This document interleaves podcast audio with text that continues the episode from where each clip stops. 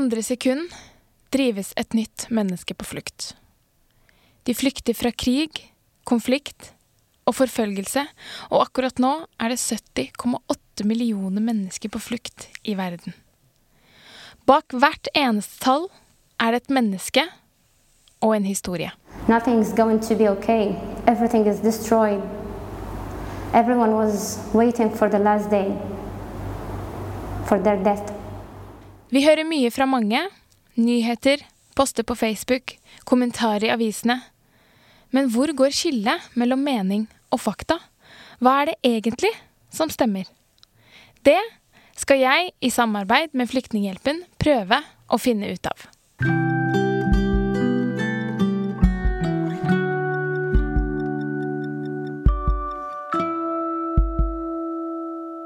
Velkommen til dagens episode. Jeg eh, håper eh, først og fremst at dere har hatt en fin eh, julefeiring så langt.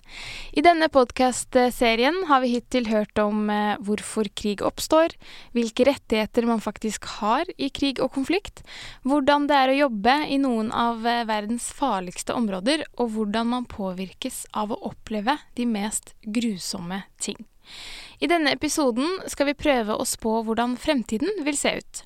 Antall mennesker på flukt har økt de siste syv årene, og FN peker på at eh, konflikt vil være hovedårsaken til at mennesker drives på flukt i årene som kommer. Kommer trenden med et eh, økende antall mennesker på flukt til å vare, eller vil vi klare å skape løsninger som gjør det mulig for mennesker å returnere hjem til krigsrammede land som Syria? Hvordan vil f.eks. Eh, klimaendringer og terroristgrupper påvirke fluktsituasjonen? Dette er ikke enkle spørsmål, men jeg tror jeg har fått rett person på besøk. Dagens gjest startet sin humanitære karriere for over 40 år siden som hjelpearbeider i Colombia. Han har viet livet sitt til å hjelpe andre mennesker, og har bl.a. vært eh, visegeneralsekretær i FN, direktør i Human Rights Watch, statssekretær, direktør for NUPI og generalsekretær i Norges Røde Kors. I dag leder han Norges største humanitære organisasjon, nemlig Flyktninghjelpen.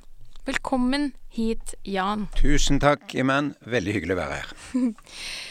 da eh, lurte jeg på om jeg bare kan starte med hvordan eh, endte du opp i eh, Colombia, og hvordan var det alt dette startet for 40 år siden? Ja, Da går vi virkelig tilbake i tida. 1970-tallet. Eh, da var jeg en eh, skolegutt, gymnasiast i Stavanger hvor jeg vokste opp, og hadde sters vært med å stifte en Amnesty International-gruppe. Var veldig engasjert i, i internasjonale spørsmål, rettferdighet og ikke minst Latin-Amerika. Det var tid da Latin-Amerika hadde militærdiktaturer, og det var tung undertrykkelse av studentbevegelser, demokratiske bevegelser, journalister og andre. Så jeg var på jakt etter en mulighet til å komme til eh, Latin-Amerika og, og, og, hjelpe de jeg visste var, hadde stor nød der. Og så plutselig en kveld, jeg kom fra håndballtrening, husker jeg, så ser jeg på Kveldsnytt eh, at det er en katolsk pater som sier rett inn i skjermen Jeg her i Colombia eh, driver sosialt rettferdighetsarbeid. Jeg kunne tenke meg å få norsk ungdom til å komme hit og hjelpe meg. Mm. Og da skrev jeg brev på spansk. Jeg fikk adressen gjennom en far som hadde kontakter i NRK, som fant ut hvor han var. Jeg skrev brev til Colombia, fikk svar tilbake. Ja, kom. Og så kjørte jeg med kompiser bil fra Chicago i USA og tvers gjennom USA, Mexico og hele Mellom-Amerika til Panama. Og så tok vi fly til Jeg fly alene til Colombia og eh, var et halvt år med denne organisasjonen, og bl.a. med indianerne i jungelen. Og det forandra på mange måter livet mitt. Jeg tenkte dette er det jeg vil jobbe med, nemlig hjelpearbeid. Da var jeg jo bare en frivillig og kunne egentlig ingenting. Eh, etter hvert så har jeg vært heldig nok til å kunne jobbe med dette profesjonelt, og nå i en fantastisk hjelpeorganisasjon, Flyktninghjelpen. Wow. det er en uh, ganske kul uh, historie. Eh, ja, Eh, ja. Det, det, var, det var tida, det. Du vet, eh, det var jo Du kan tenke deg, mine foreldre visste jo ingenting om hva jeg dro ut på. Og det var jo òg en tid hvor du skrev egentlig brev for hånd. Ja. Og satte airmail på, og så kom det hjem etter ti dager. Ja. Og, og jeg fikk brev fra dem som lå på postkontoret der nede, og det var gjerne en måned gamle når vi reiste. Det var en annen tid. Dette det høres vel ut som det er eh, middelalderen i menn, men det er faktisk min ungdom. Ah, men um, så bra at uh, du gjorde det, fordi at uh, du har jo endt opp med å bruke resten av livet ditt på å hjelpe andre mennesker. Ja, altså nå høres det liksom eh, nærmest edelt ut. Eh, jeg ser det jo litt annerledes. Altså jeg har hatt det privilegiet å få lov til å jobbe med internasjonale spørsmål. For meg er det det mest spennende. Altså, så, så av og til så tenker jeg jeg får jo betalt for å jobbe med de tema, de spørsmål som jeg syns det er mest spennende å jobbe. Hadde jeg hatt, hadde jeg hatt eh, formue, så hadde jeg jo sannelig jobb gratis eh, på dette feltet. For det er veldig givende. Altså Vi ser oftere resultater enn vi ser nederlag. Vi ser oftere at vi når fram enn vi mislykkes. Vi ser oftere at vi klarer å endre liv til det bedre. Det er utrolig givende. Og veldig godt å høre. Ja. Ehm, vi har jo hørt eh, en del om eh, Flyktninghjelpen eh, gjennom podkastserien. Men kan ikke du starte med å fortelle hva er det Flyktninghjelpen egentlig gjør? Så Flyktninghjelpen, eller som vi er kjent for internasjonalt, Norwegian Refugee Council, NRC, er en, blitt en av verdens største humanitære organisasjoner. Så vi har 14 000 kolleger som jobber for nesten 9 millioner flyktninger og fordrevne over det meste av verden. Ja, vi har eh, over 30 store landprogrammer, som vi kaller det. Og der kan vi ha noen hundre, eller opptil over 1000 kolleger som jobber i felt for fordrevne. Altså mennesker som er på flukt i eget land, eller flyktninger i, i andre land. Og da gir vi dem assistanse. Altså det er, vi gir nødbolig, vi gir vann og sanitær hjelp. Vi gir undervisning til stadig flere unge. Eh, vi gir mat og matsikkerhet og levebrød til stadig flere. Og så har vi et veldig viktig eh, område, og det er fri rettshjelp. Vi hjelper mennesker til å få eh, dokumentasjon på livet sitt, altså identitetspapirer, fødselsattester, giftermålsattester, eh, eh, vitnemål fra skoler og sånt, som de ikke har eller har mistet, og det er viktig for at de skal få igjen livet deres. Eller vi går i retten på vegne av flyktninger som har blitt frarøvet sitt hus, land og eiendom. Eh, og, og, og, og det har blitt en mye større virksomhet, og det gir jo i og for seg håp at vi kan gi så mange mennesker hjelp.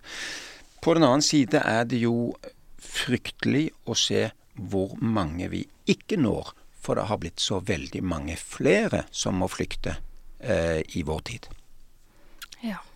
Og så er det ehm, kanskje greit å, å nevne, for det trodde jeg, eh, at eh, Flyktninghjelpen, som eh, er en norsk organisasjon, ikke jobber med flyktninger i Norge.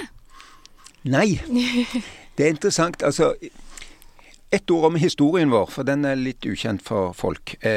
Vi ble stiftet av et knippe norske store organisasjoner, humanitære organisasjoner som Røde Kors og Norsk Folkehjelp, men også eh, fagbevegelsen, arbeidsgiverbevegelsen etc. var med på noe de kalte, som ble kalt for Europahjelpen. Det var i 1946. Europa var, lå i ruiner etter andre verdenskrig, og det var mange millioner flyktninger eh, i, i, Polen, Ungarn, Østerrike, Tyskland, som jo hadde startet andre verdenskrig, var også rasert, fullt av flyktninger. Så da sa nordmennene, som selv hadde vært okkupert, eh, selv hadde lidd ondt under andre verdenskrig, at vårt land ligger, bortsett fra de nordligste, altså Finnmark, så ligger, er stort sett Norge ikke i en ruin, så vi kan hjelpe Europa. Europahjelpen. Det ble etter hvert til det norske flyktningerådet, som også tok imot flyktninger til Norge. Den oppgaven ble statlig etter hvert, og organisasjonen kunne da konsentrere seg om å hjelpe flyktninger fordrevne i andre deler av verden, og er nå helt ikke-statlig, helt eh, Eh, fri, eh, med, altså en ikke-statlig organisasjon, stiftelse, som består av eh, veldig mye mange flinke folk med ulike nasjonaliteter, og de fleste av de jobber i eget land for egen befolkning. Vi ansetter afghanere i Afghanistan, libanesere i Libanon, colombianere i Colombia, som jobber for fordrevne mm. eller flyktninger i eget land. Ja, og det så jeg også når jeg var um da jeg var i Jordan, at det var eh, eh, enten jordanske frivillige eller eh, syriske flyktninger selv som som ikke sant har vært var lærere ja. mens de bodde i Syria, men som ja. jobber som lærere da inne i flyktningleiren. Nettopp. Mm. Nettopp. Så halvparten altså av de 14 000 hjelpearbeiderne vi har, så er vel 400-500 såkalt internasjonale eksperter og de, en del av dem er da ledere av disse landprogrammene. Mm. Eh, det er det ofte godt at det er en utlending som er, eh, for, fordi du kan være under press fra myndighetene eller, eller, eller press fra ulike grupper i landet, og, og, og komme utenfra er ofte bra. Eh, men stort sett så er det enten nasjonale, profesjonelle vi ansetter, 7000 har vi av de, men vi har da òg nesten 7000, altså 6500 personer som er akkurat den kategorien du snakker om, nemlig flyktninger. Eh, eh, fordrevne mennesker som er på korttidskontrakter, delvis fordi vi ikke har lov til å ansette dem fulltid mm. i disse landene fordi de er flyktninger, men disse får da en eller annen type honorar for å være lærere eller være leiransvarlig for sanit sanitære programmer i en leir, f.eks. Eh, og, så det er mange, mange av de driver virksomheten i disse områdene. Derfor er det veldig effektivt, og veldig kostnadseffektivt. Eh, vi, vi, får gjort veldig mye med de kronene eller dollarene eller euroene vi får fra 20 giverland. Ikke bare Norge, men veldig mange land gir oss penger så vi kan hjelpe flyktninger. Mm. Um, og i denne episoden så um, skal du jo uh, nesten prøve å spå fremtiden. Ja. Um, men først kan vi kanskje ta et kjapt uh, tilbakeblikk på uh, det siste tiåret. Ja. og vi ser jo nå, både på, på nettsider og eh, sosiale medier, så eh, har det vært mye om at eh, det økende antall eh, mennesker på flukt har eh, bare økt de siste syv årene. hva er årsaken til at vi ikke har fått dette til å snu? Ja, det, det, det, er helt riktig observasjon det du har. Eh, noe skjedde det siste tiåret, og det var dramatisk. Og det var negativt. Eh, fordi altså, da, jeg var statssekretær i Utenriksdepartementet f.eks. og ledet norsk humanitær eh, politikk osv., så, videre, så var det forferdelige kriger eh, på Balkan. altså Bosnia-Hercegovina. Det var folkemord i det mm. tidligere Jugoslavia. Det var folkemord i Rwanda. Det var forferdelige kriger og fordrivelser.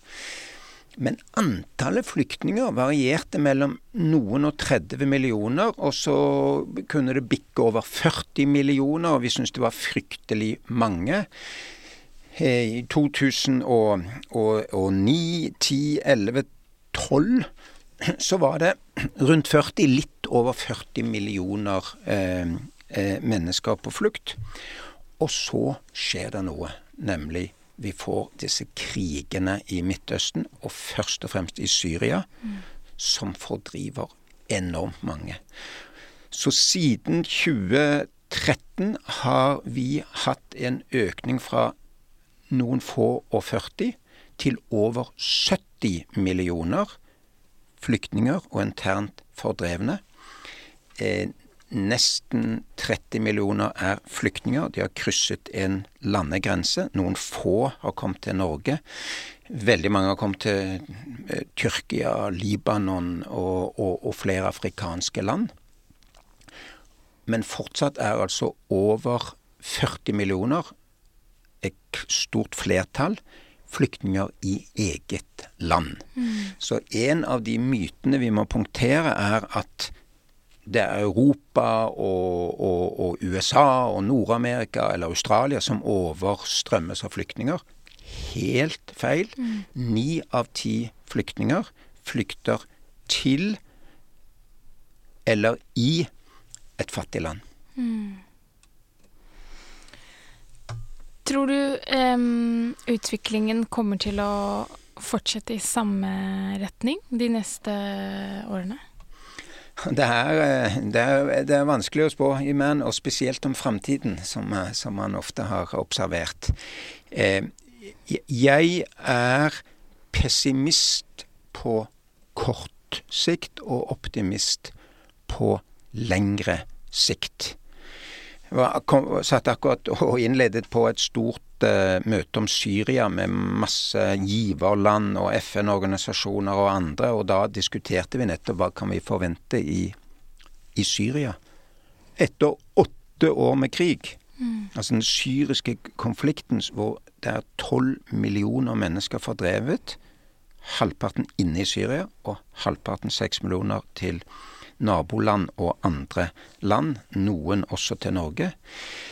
Den, den konflikten har altså pågått nå nesten like lenge som første og andre verdenskrig til sammen, for nå er det det niende mm. konfliktåret vi, vi, vi begynner. Og det er ikke over. Så i Syria vil du f.eks. se det, nord, det nordvestre hjørnet. Det heter Idlib. Det er under kontroll over en, en rekke opposisjons armeer. En av dem, den sterkeste, er listet som en terrororganisasjon. Og i det området de kontrollerer, er det nesten tre millioner sivile. Og da har Assad-styret, støttet av russere og iranere, sagt vi kommer ikke til å tolerere at det vi ser på som terrorister, holder dette området. Dette kommer vi til å ta med våpen i hånd, og de bomber hver dag nesten. Mm. Og, og, det får lite oppmerksomhet.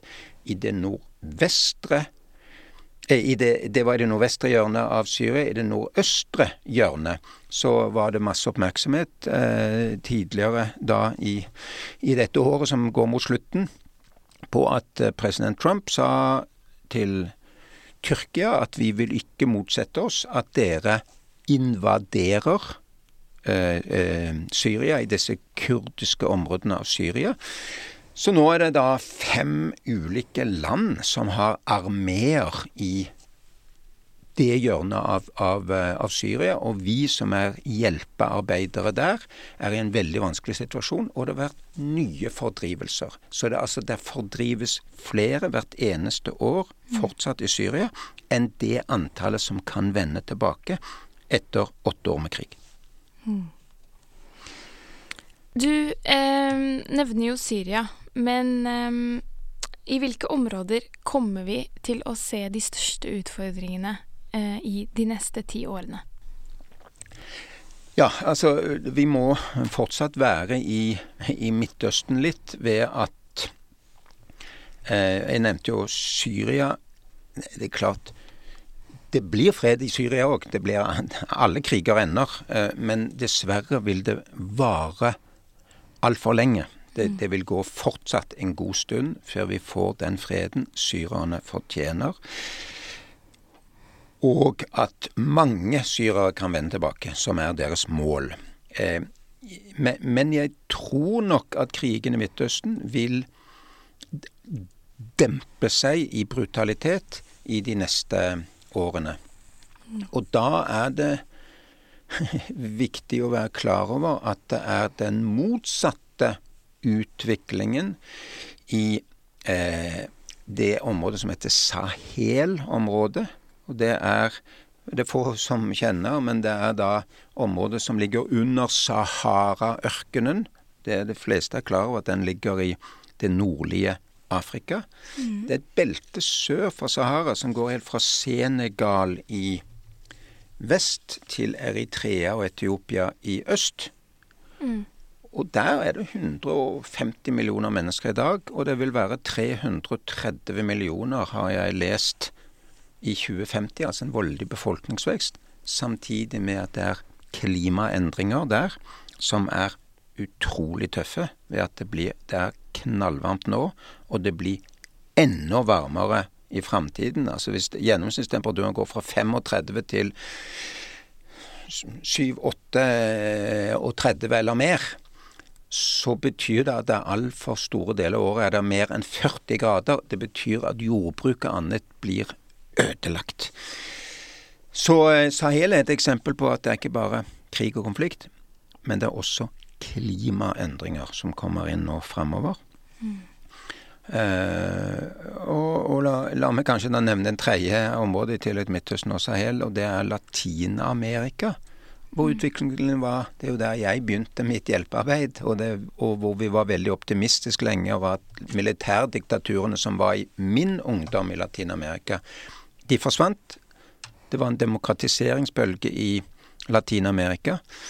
Men nå ser vi jo at i Venezuela så, så, så er det full kollaps i, det, i økonomi, i sosiale strukturer, i, i styresett. Det er ikke godt styresett overhodet der. Så millioner gir opp og forlater Venezuela. Eh, det er mer krig igjen i, i Colombia. Og det er mye mer av voldsbølger i Mellom-Amerika osv. Så, eh, men kan jeg også få si altså for det, mange, Nå er det romjul, og mange vil eh, tenke at eh, dette her lyder ille for framtiden. Det er utrolig mange positive trender i verden rundt fordrivelsen.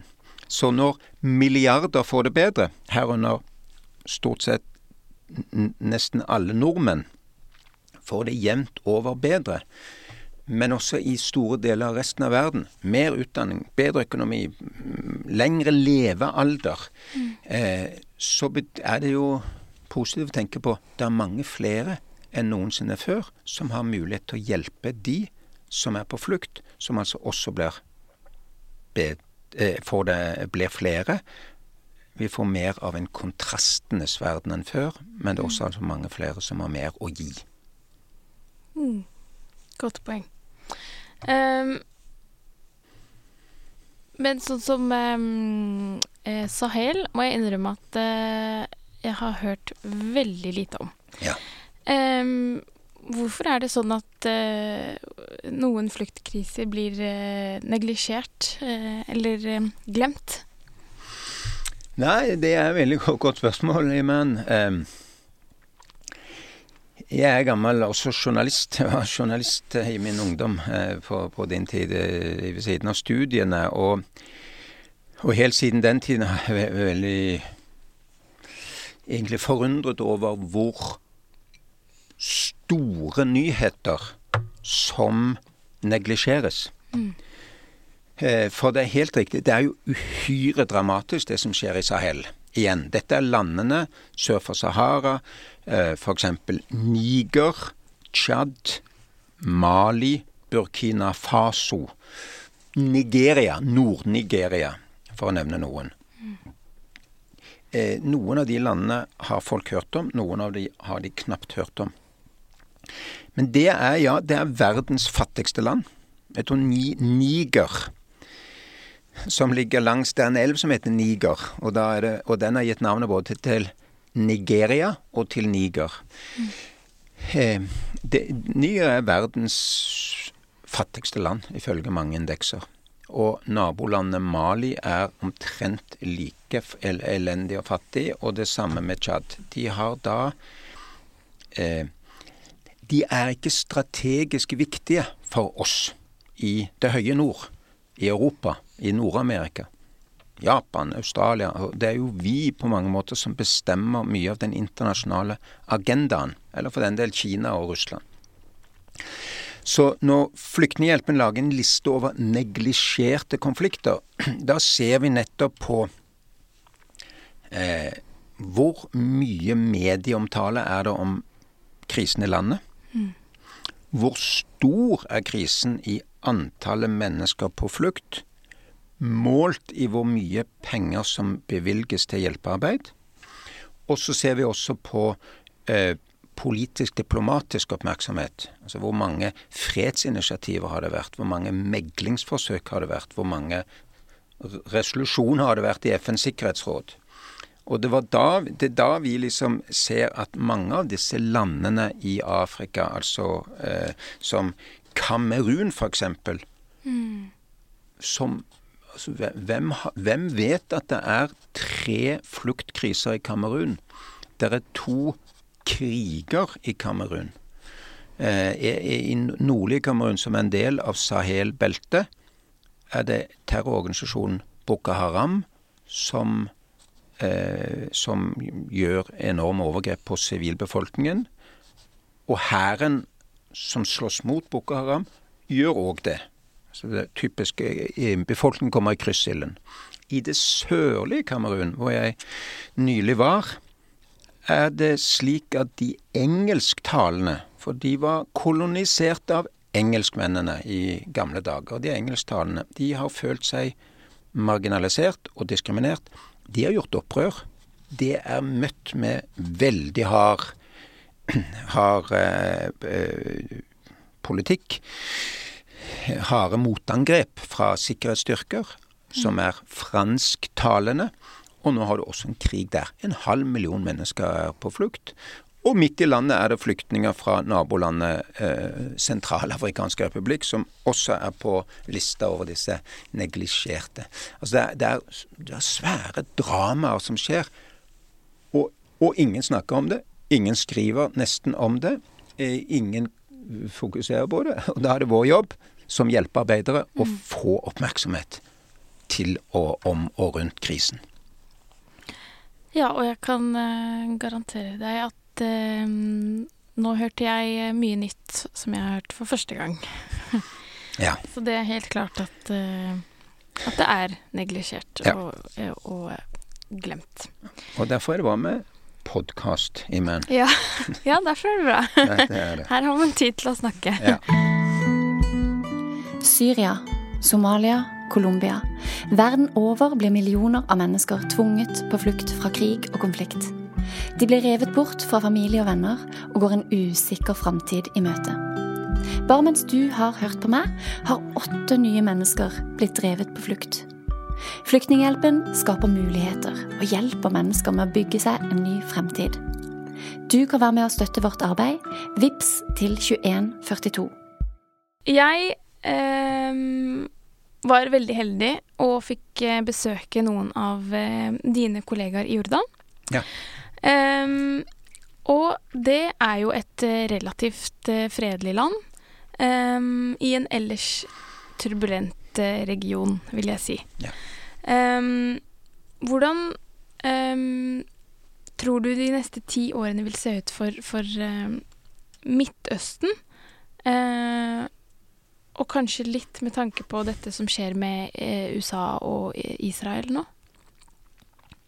Altså, det, det, er, det, er, det er som sagt vanskelig å spå. Og Midtøsten er det kanskje spesielt vanskelig å spå. For det, det er ofte veldig raske utviklinger.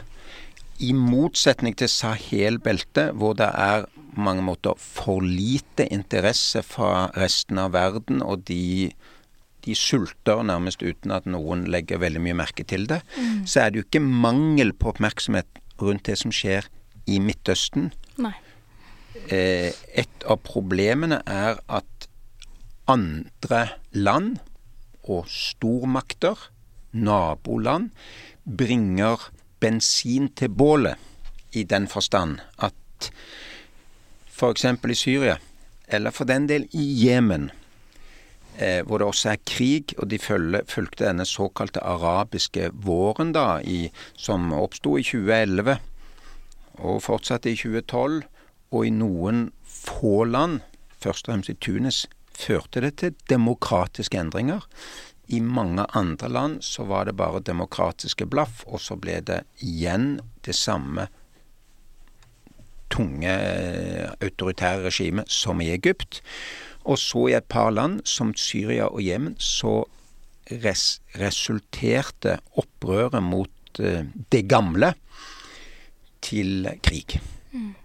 Eh, og krigen ble jo verre fordi at på den ene siden så sto Iran, og på den andre siden sto Saudi-Arabia. Iran er den viktigste shia-muslimske makten. Saudi-Arabia er den viktigste sunni-muslimske eh, makten. Og så havner òg da USA og Russland på hver sin side i konflikten. Og der blir det mye vanskeligere med meglingsarbeid. Eh, det blir også der da større eh, intensitet i, eh, i, i konflikten. Dette tror jeg dessverre vil fortsette en tid til. Mm. På, hvis du ser på Trump og Putin og, og andre, så er jo ikke deres politikk preget av kompromiss, og nå må vi få FN og internasjonale organisasjoner til å megle, og vi må alle tenke oss om, og vi må alle trekke oss tilbake og la diplomatene få hjelp. De vil gjøre uh, America great again og Russland uh, great again. Uh, det hjelper ikke. Israel er jo òg en sånn konflikt hvor det er stor internasjonal oppmerksomhet. Eh, og, og, USA gir nå Israel stadig større støtte eh, til at de kan eh, gjennomføre det som resten, stort sett resten av verden ser på som en okkupasjonspolitikk. F.eks. på Vestbredden, hvor det er eh, veldig mange bosetninger de har jeg selv sett. Jeg har reist til, til dette området helt siden jeg var ja, 19 og besøkte Unifil-styrken som i Libanon som eh, norsk Da var jeg soldattillitsmann. Eh, eh, hver gang jeg kommer tilbake til eh, de palestinske områdene, altså til Vestbredden, palestinernes kjerneområde, så er det flere eh, israelske bosetninger. Det er i strid med folkeretten, i strid med Genévekonvensjonene, som general Mood snakket om sammen med deg for, forleden. Mm. Eh, og nå sier da USA at eh, ja, vi er i grunnen ikke enig i at det er i strid med folkeretten, det som skjer, nødvendigvis det som skjer på Vestbredden. Altså et signal om at i og for seg den sterkeste parten kan, kan ture fram. Eh, og så er palestinerne splittet. Eh, de har en politisk elite av, av, eldre menn som jeg mener ikke representerer spesielt godt eh, den, det, unge, det unge Palestina. Og, og, og, og, det gjør jo egentlig bare at eh, vi får ikke gjennomført det som er ideen vår blant Oslo-avtalen, som jeg var med på å og var vert for da jeg var i Utenriksdepartementet på på, på 1990-tallet. Eh, den, det, det, det, vi er stadig lengre fra egentlig den fredelige løsningen på konflikten. Ja, fordi at uh, USA er jo faktisk en av de uh, største um, aktørene i Midtøsten. Uh, men de har jo også mye de vil si og mene om andre land og kontinenter, som f.eks. Latin-Amerika. Eh, og president eh, Trump eh, snakker jo mye om migrasjon og flukt, men da ofte i sammenheng med den berømte muren. Ja.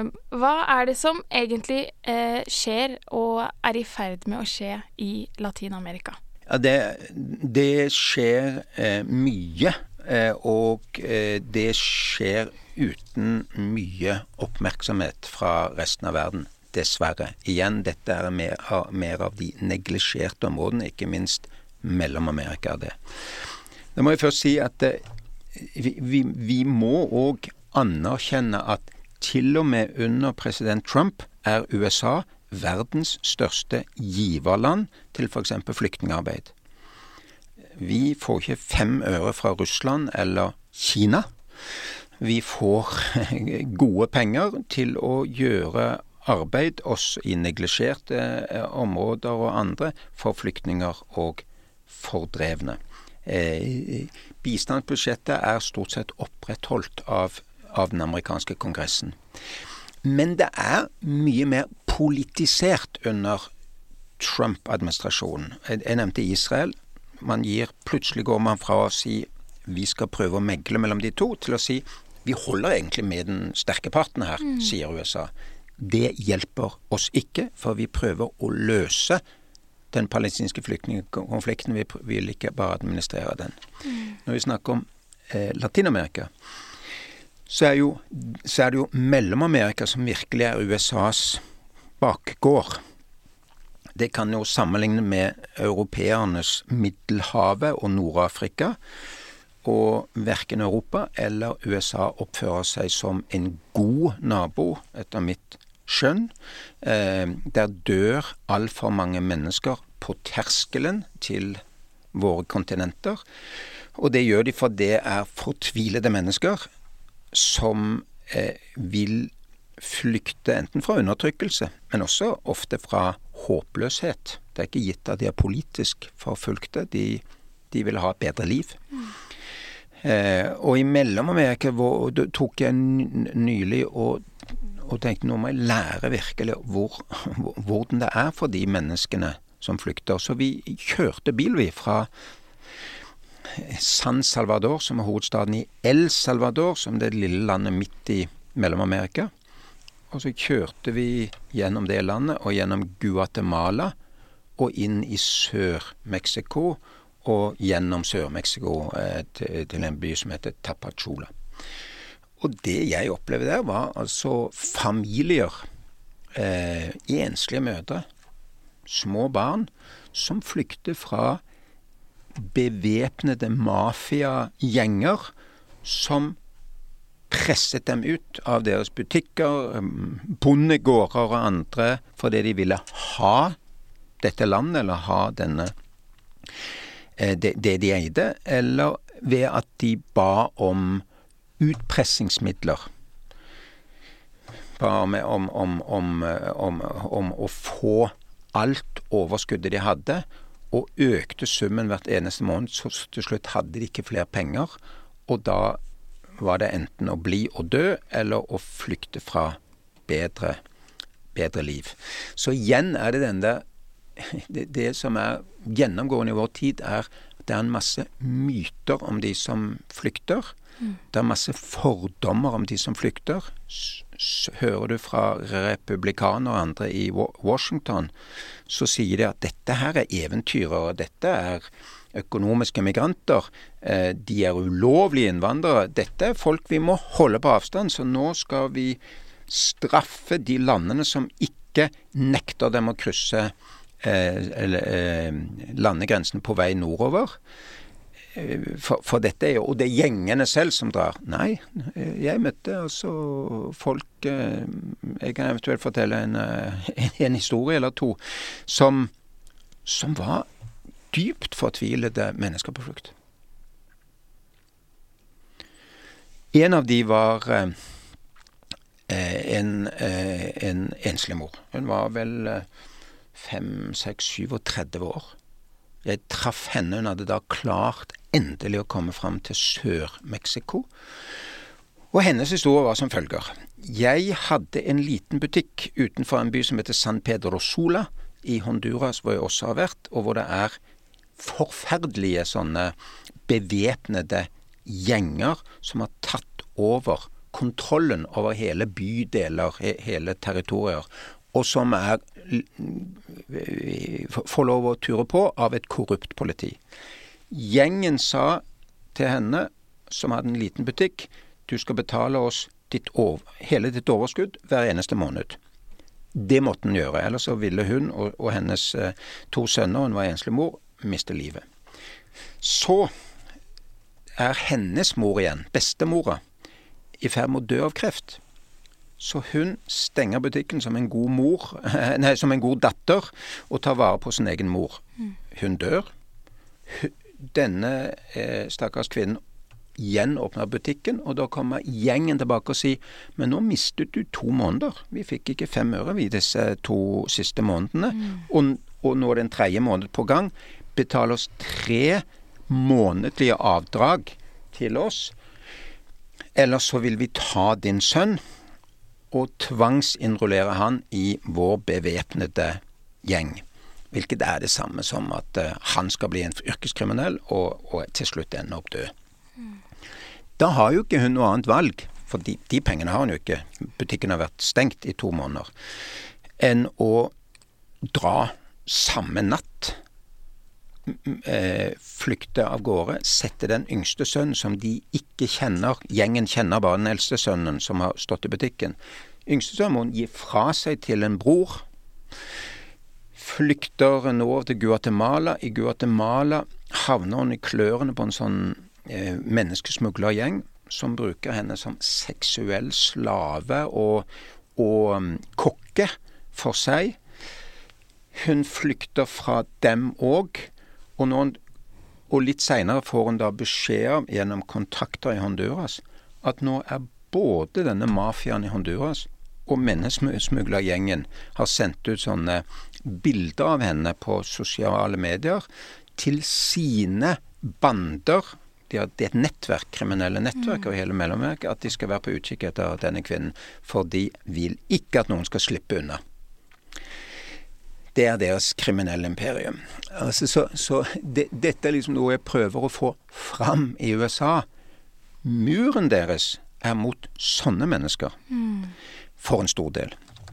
Og når USA i tillegg da sier vi vil straffe El Salvador, Honduras og flere andre land med å ta bort alle bistandsmidler fordi de sender folk nordover, så er jo det det samme som å si nå skal vi ta bort pengene som kunne gi håp om utdanning, sysselsetting og eventuelt litt ro og fred i, i området. For det er ikke håpløst. Vi klarer å jobbe og hjelpe for mennesker i, i Mellom-Amerika, men nå får vi ikke midler fra USA pga. at USA skal straffe disse landene for mm. det de avgir eh, migranter. Wow. Det um jeg syns det er uh, um,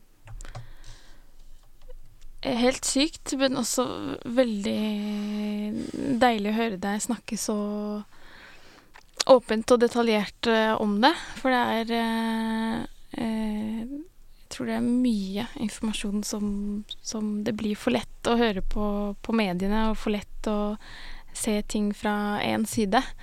Um, ja, jeg syns det er veldig Veldig flott det du forteller. Um, og tankevekkende, ikke minst. Mm. Altså, og det vi prøver å få frem, er jo at bak de 70 millioner mennesker på flukt, så er det 70 millioner historier. Mm. Eh, og det kunne være meg, og det kunne vært deg. Det er eh, sant. Mm. Og det eh, var jo ikke lenge siden det var nordmenn selv eh, mm. som måtte flykte, og man vet jo aldri når det blir oss igjen. Nei, vi skal, vi skal ikke ta det for gitt mm. At vi lever, har en så sammenhengende freds- og velferdsvekst mm. som vi har hatt. Helt enig. Hva er det um, Flyktninghjelpen kan gjøre nå? Ja, altså vi, vi, gir jo ikke opp. Vi gir ikke opp i Midtøsten. Vi gir heller ikke opp i Mellom-Amerika eller i Venezuela eller i, i Sahel-beltet. Konkret i Mellom-Amerika så prøver jo nummer én å få ut informasjon om årsakene til volden og årsakene til flukten, slik at de landene som kan gjøre noe med det, endrer sin atferd. Så da jeg var der, gjorde jeg veldig mange intervjuer på spansk. Vi snakker spansk fra Colombia-tida mi. For regionale medier. CNN en español, som det heter. Altså CNN på spansk. Mm. Jeg har gjort det for amerikanske medier for kanadiske medier. Kan må også være interessert i, me i Mellom-Amerika.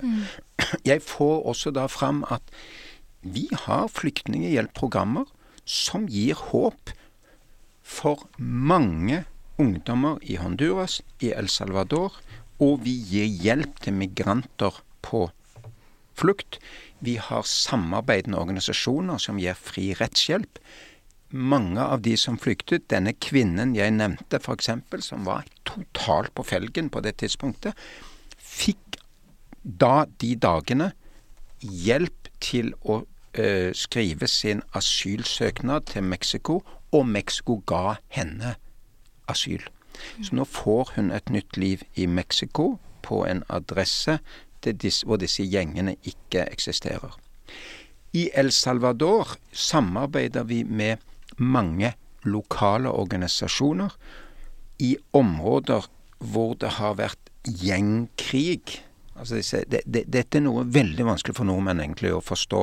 Det, det er lettere for de fleste nordmenn å forstå at folk er lut fattige, at de ikke har mat, at de sulter.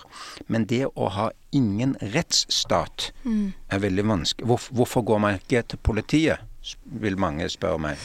For politiet er en del av Du går til politiet, så kan de egentlig gi beskjed til gjengen om hvor du er. Ja. For gjengen, mafiaen, er rikere enn noen og kan eh, kjøpe eh, mennesker. Så eh, det vi da må jobbe er med eh, lokal megling mellom gjenger og grupper.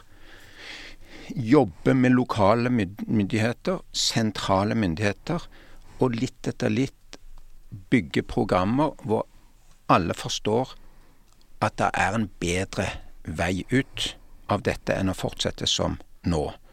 Altså, er, det, er det et godt liv for de som er gjengene? Nei. Når de dreper hverandre i høyt tempo, s- og, og når du ser at du faktisk piner ditt eget folk til det, det, det, på, i ekstrem grad De fleste vil si nei, dette er ikke noe godt liv. Så jeg var i et sted som heter Apoppe utenfor San Salvador. Der hadde hundrevis av familier flyktet fordi at to-tre gjenger kjempet nærmest om kontrollen i dette området. Og det var ikke politi og ingenting til stede der. Etter at vi alle som jobbet her fikk fram en fredsavtale, det var først og fremst el salvadoranerne selv som gjorde det, mellom gjengene så er det fredelig. Vi investerer bl.a. i undervisning, skole, utdanning og levebrød. Familier vender tilbake, og de fortalte at det er en total endring lokalt. Altså, det er håp. Vi kan gjøre noe. Så budskapet til USA og Canada er jo følgende. Det er jo helt vanvittig at vi blir finansiert av Norge, Sverige, Sveits og EU, flyktninghjelpen i de programmene i Mellom-Amerika. Det burde jo vært nummer én USA, nummer to Canada. Altså det, dette er deres nabolag. Så jeg, jeg håper og tror vi kan egentlig snu litt utviklingen i disse områdene. Det håper jeg også. Ja. Eh, for å eh, bevege oss litt eh, tilbake til Europa, så har jo de fleste av oss hørt om, om hva som skjedde over Middelhavet i eh, 2014 og, og 2015. Tror du at vi kommer til å se noe lignende de neste ti årene? Ja, det er ikke gitt at vi eh, jeg, jeg, jeg håper og tror virkelig at den typen masseflukt, én million mennesker eh, på flåter over eh, Middelhavet, eh, det, det tror jeg ikke vil skje igjen. Eh, delvis fordi jeg tror at Syria-konflikten, som var hoveddriveren for denne flukten, eh, langsomt vil vil ta slutt. Eh, men det er to ting å kommentere med hensyn til utviklingen nå, på slutten av 2019, og hvis vi ser framover. Og det er at det fortsetter jo med menneskap over Middelhavet. Det er bare vi som ikke er så veldig oppmerksomhet på det lenger, bl.a. fordi ingen av dem nesten klarer å komme til Norge. Det er umulig for mennesker, enten det er veldig sårbare kvinner og barn, eller det er i og for seg si sterke unge menn, som det også er mange av som prøver å flykte over Middelhavet. Hvordan skal de klare å komme til Norge? Det er jo bare stengte grenser. Mm. Eh, de, de, de, de, kommer ikke videre. Det er en slags festning Europa nå her, hvor, hvor eh, alle strammer til. Italia strammer til. Eh, Hellas strammer også til. Og det var der man kom inn i Europa. Eh, det, det jeg håper, er at vi får større programmer som kan produsere håp mm. i de landene hvorfra mennesker drar.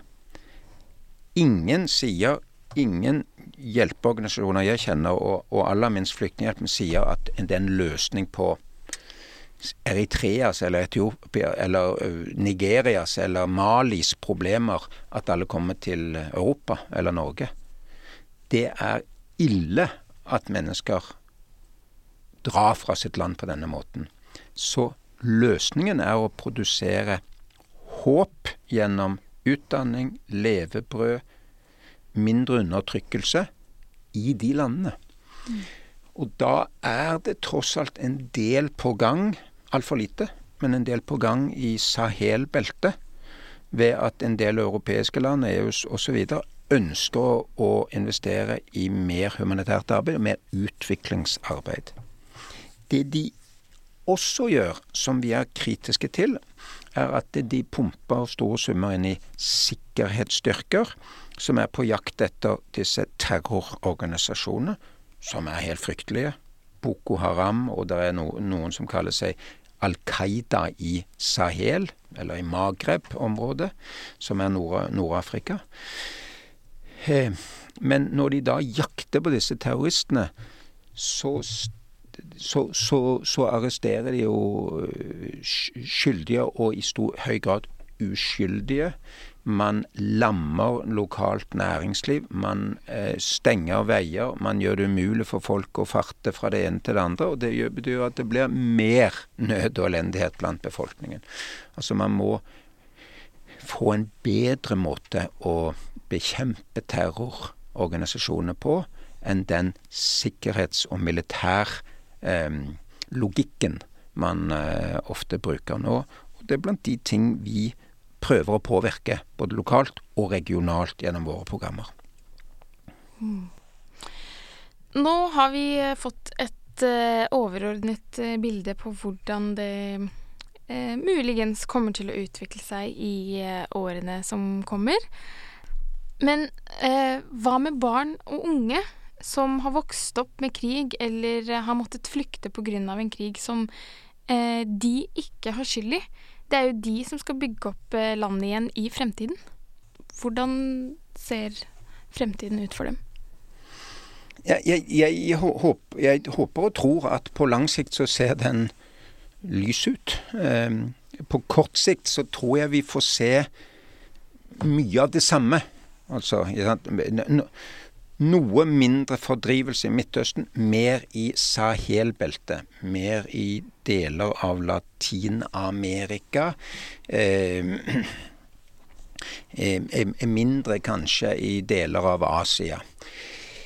Eh, men eh, på lang sikt så mener jeg det er håp i det at flere og flere unge får utdannelse.